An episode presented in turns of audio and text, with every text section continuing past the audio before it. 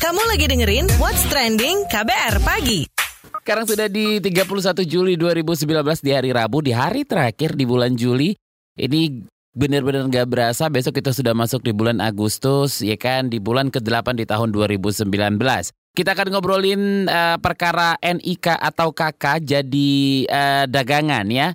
Atau ini nomor induk kependudukan dan kartu keluarga itu jadi dagangan. Jadi Kementerian Dalam Negeri melaporkan dugaan praktik jual beli data nomor induk kependudukan dan uh, kartu keluarga di dunia maya ke Bareskrim Mabes Polri. Cahyo Kumolo mengatakan Kementerian Dalam Negeri melalui tim Dirjen Dukcapil sudah melapor ke Bareskrim supaya cepat mengusut oknum masyarakat yang menyalahgunakan data kependudukan secara ilegal.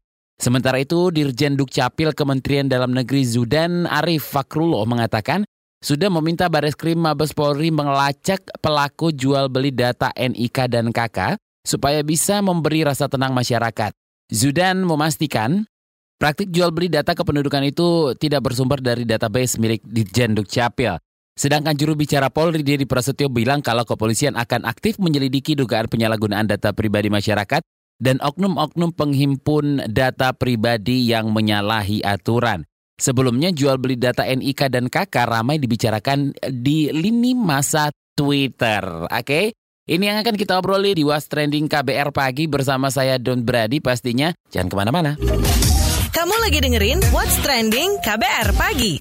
Bersama saya Don Brady lagi ngobrolin soal perkara uh, nomor induk kependudukan dan kartu keluarga jadi dagangan ya. Jadi Direktorat, uh, Tindak Pidana Siber Polri sedang menyelidiki dugaan jual beli data nomor pribadi induk kependudukan, maksudnya nomor NIK ya. Hal ini diungkap juru bicara Polri Dedi Prasetyo dan seperti apa progresnya kita akan dengar penjelasan dari juru bicara Polri Dedi Prasetyo di, di hadapan awak media kemarin. Yang uh, jual beli data KTP, KTP sama kakak itu. Sekarang tim dari cyber sudah ke lapangan ini. Artinya kemarin kan sudah menganalisa dari hasil patroli cyber, kemudian sudah mendalami siapa pemilik akun tersebut. Sekarang tim dari cyber sudah turun ke lapangan. Berarti sudah diketahui ya Pak pemiliknya? Nanti kalau sudah diketahui nanti kalau ditangkap baru kita sampaikan. Yang jelas sudah di lapangan sekarang ini. Semoga dalam waktu dekat bisa terungkap. Yang menjadi fokus itu berapa akun Pak? Satu satu akun, sama satu akun ya. Nah itu tadi penjelasan juru bicara Polri Dedi Prasetyo di hadapan awak media kemarin. Nah, terus gimana nih langkah Dukcapil Kemendagri mengenai jual data pribadi di dunia maya? Kita akan bahas dengan uh, Dirjen Dukcapil Kementerian Dalam Negeri Zudan Arif Fakrulo. Pak Zudan, bagaimana pelaporan Dukcapil Kemendagri ke kepolisian mengenai jual beli NIK dan KK serta tindak lanjutnya bersama kepolisian nih Pak? Kita tidak melaporkan orang, melaporkan adanya peristiwa yang ada di media sosial itu. Karena di Facebook itu yang bisa menindaklanjuti tentu saja polisi, aparat penegak hukum, kami suplai datanya. Karena kami memastikan bahwa dari Dukcapil tidak ada kebocoran data. Kami sudah cek semuanya, tidak ada dari internal. Dan yang mungkin itu adalah dari berbagai media sosial karena di sana banyak sekali KK dan KTPL di medsos. Kalau kita klik, kita ketik itu akan keluar datanya. Bisa jadi ada pemulung data di sana. Nah, pemulung data ini berbahaya karena sesuai Undang-Undang Adminduk, siapa pun yang menjual belikan data, membeli data dan memanfaatkan data secara tidak benar, itu sanksinya 2 tahun dan denda sampai dengan 10 miliar.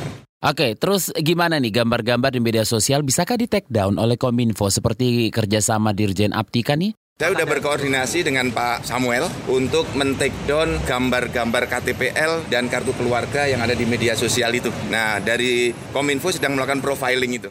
Oke, ada nggak sih Pak laporan siapa saja yang menjadi pelaku jual beli NIK dan KK? Sampai saat ini belum ada laporan ke Kemendagri siapa saja yang menjadi pemulung data itu. Saya menyebut sebagai pemulung data. Dan ini menjadi perhatian bagi seluruh masyarakat bahwa data kita itu rentan ketika data kita sering diberikan ke mana-mana. Maka saya memberi saran kepada masyarakat, kalau masyarakat memberikan datanya ke bank, buat konsen, buat perjanjian dengan bank.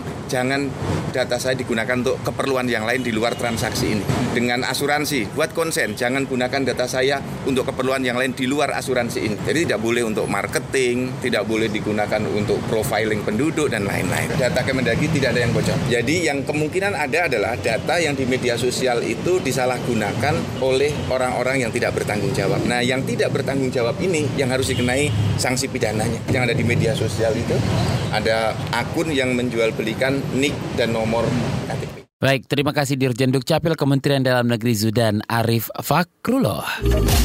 Kamu lagi dengerin What's Trending KBR Pagi. Oke, Don Brady masih jadi teman kalian di What's Trending KBR Pagi, ya kan?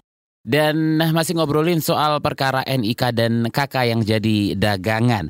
Sehubungan dengan viralnya jual beli data di media sosial, Menteri Dalam Negeri Cahyo Kumolo kembali menegaskan keamanan data yang digunakan lembaga keuangan swasta yang bekerja sama dengan Kementerian Dalam Negeri. Nah, lantas gimana nih penyalahgunaan data semestinya ditangani? Kita akan bahas bareng aktivis SafeNet Nabila Saputri.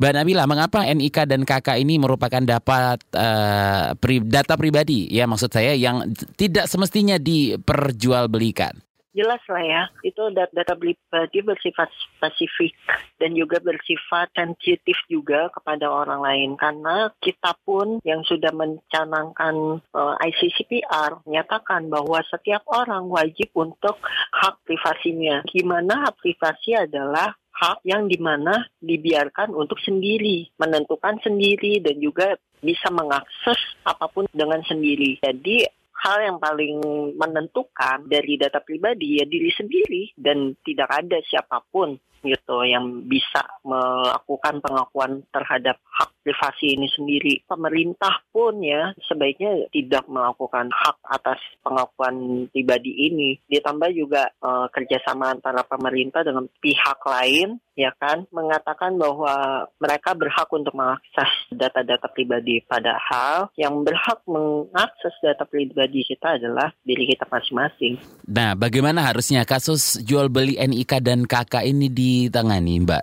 Ini prihatin banget karena benar-benar orang tuh nggak melihat data pribadi sebagai data yang benar-benar intangible yang benar-benar apa namanya memang tidak berwujud tapi berpengaruh terhadap kita gitu. Karena di dalam data pribadi itu ada yang berupa citra gitu. Sehingga uh, dari citranya pun bisa menyebar luas sehingga orang itu bisa aja nggak bisa apa namanya nggak bisa masuk kerja karena data pribadi kita meluas gitu aja. Nah sebaiknya gini apa penegak hukumnya ini yang harusnya dibina dan juga seharusnya untuk menyadarkan kepada masyarakat bahwa data pribadi itu sangat penting. Hmm, bisa nggak sih masyarakat yang sejauh ini nggak tahu nih ya datanya diperjualbelikan melapor ketika mengetahui datanya disalahgunakan. Bagaimana yang uh, bagaimana payung hukumnya nih Mbak? Kita sebenarnya udah punya undang-undang ITE pun juga sebenarnya udah dijelaskan bahwa di pasal 26 ayat 2 itu kita bisa menuntut dan menuntutnya pun kita bisa melakukan kepada pasal 1365 Kitab Undang-Undang Hukum Perdata gitu sebagai perbuatan melanggar hukum. Jadi siapa pun yang telah mengambil data pribadi seseorang, orang yang merasa data pribadi tersebut diambil itu bisa menuntut dengan perbuatan melanggar melanggar seperti itu.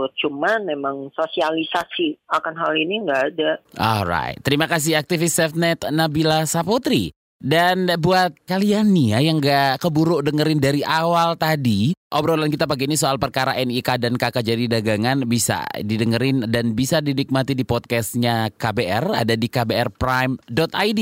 Silakan cari di sana what's trending. Anda nggak akan ketinggalan mulai dari seminggu lalu, dua bulan yang lalu kayaknya masih ada di sana ya.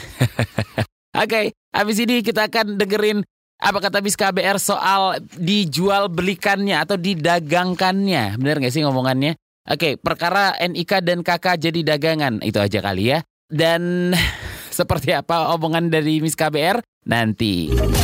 Kamu lagi dengerin What's Trending KBR Pagi. Penasaran sama komentar Miss KBR? Ini dia Miss KBR. Parah parah Parah parah parah parah Pokoknya deh mas bro mbak sis Pada ngeh kan sama itu rame-rame jual beli data kartu keluarga kakak dan nomor induk kependudukan NIK di media sosial Kabarnya ada yang punya stok sampai jutaan data. Uh, apa nggak ngeri tuh namanya? Sebenar-benarnya perkara kayak gitu, uh rame-rame penggunaan nick kan udah pernah ya? Masih pada inget kan? Kan waktu itu sempat rame juga pas registrasi kartu prabayar.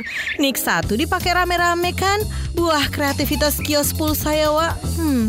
BTW, nomor kakak tahun Nick ini kan penting banget ya lantaran itu memuat informasi. Angka-angka pada Nick itu kan isinya kode tempat tinggal, mulai dari provinsi, kota, atau kabupaten, kecamatan, tanggal, bulan, hingga tahun kelahiran. Uh, paket lengkap deh pokoknya. Sementara kalau kakak, itu kan isinya ada data anggota keluarga, nama ibu kandung, tempat tanggal lahir, pendidikan, pekerjaan, dan status perkawinan. Aduh, Miss KBR kan khawatir data Miss KBR dicuri orang, identitas Miss terus dipakai orang lain. Aduh, coba deh dibayangin ada Miss KBR versi villain alias jahat di dunia ini. Nah, lantaran viral tuh, pemerintah terus minta polisi untuk mengusut kasus itu. Aduh, suka gitu deh. Polisi emang udah sih mulai menyelidiki informasi yang disampaikan salah seorang netizen yang terhormat. Ihwal jual beli nick, IKTP dan kakak ilegal di medsos itu. Demen deh, Mbok Yao gitu, bagi-bagi ke medsos itu yang ada faedahnya, ya kan? Tapi ya pertanyaannya, gimana sih tuh caranya orang dapat data jutaan nick dan kakak? Bukan wangsit juga kan? Ada yang bocor apa ya itu sistem atau penyimpanan data-data kita? Makanya, perlu banget kan mitigasi penyalahgunaan data itu jadi perhatian? Jangan cuman pas viral doang. Itu dia tadi komentar dari Miss KBR. Mau tahu besok Miss KBR bakal komentar apa lagi? Tungguin cuma di KBR Pagi. What's trending KBR pagi? Saya Don Brady pamit besok ketemu lagi ya. Bye-bye. Terima kasih ya sudah dengerin What's Trending KBR pagi.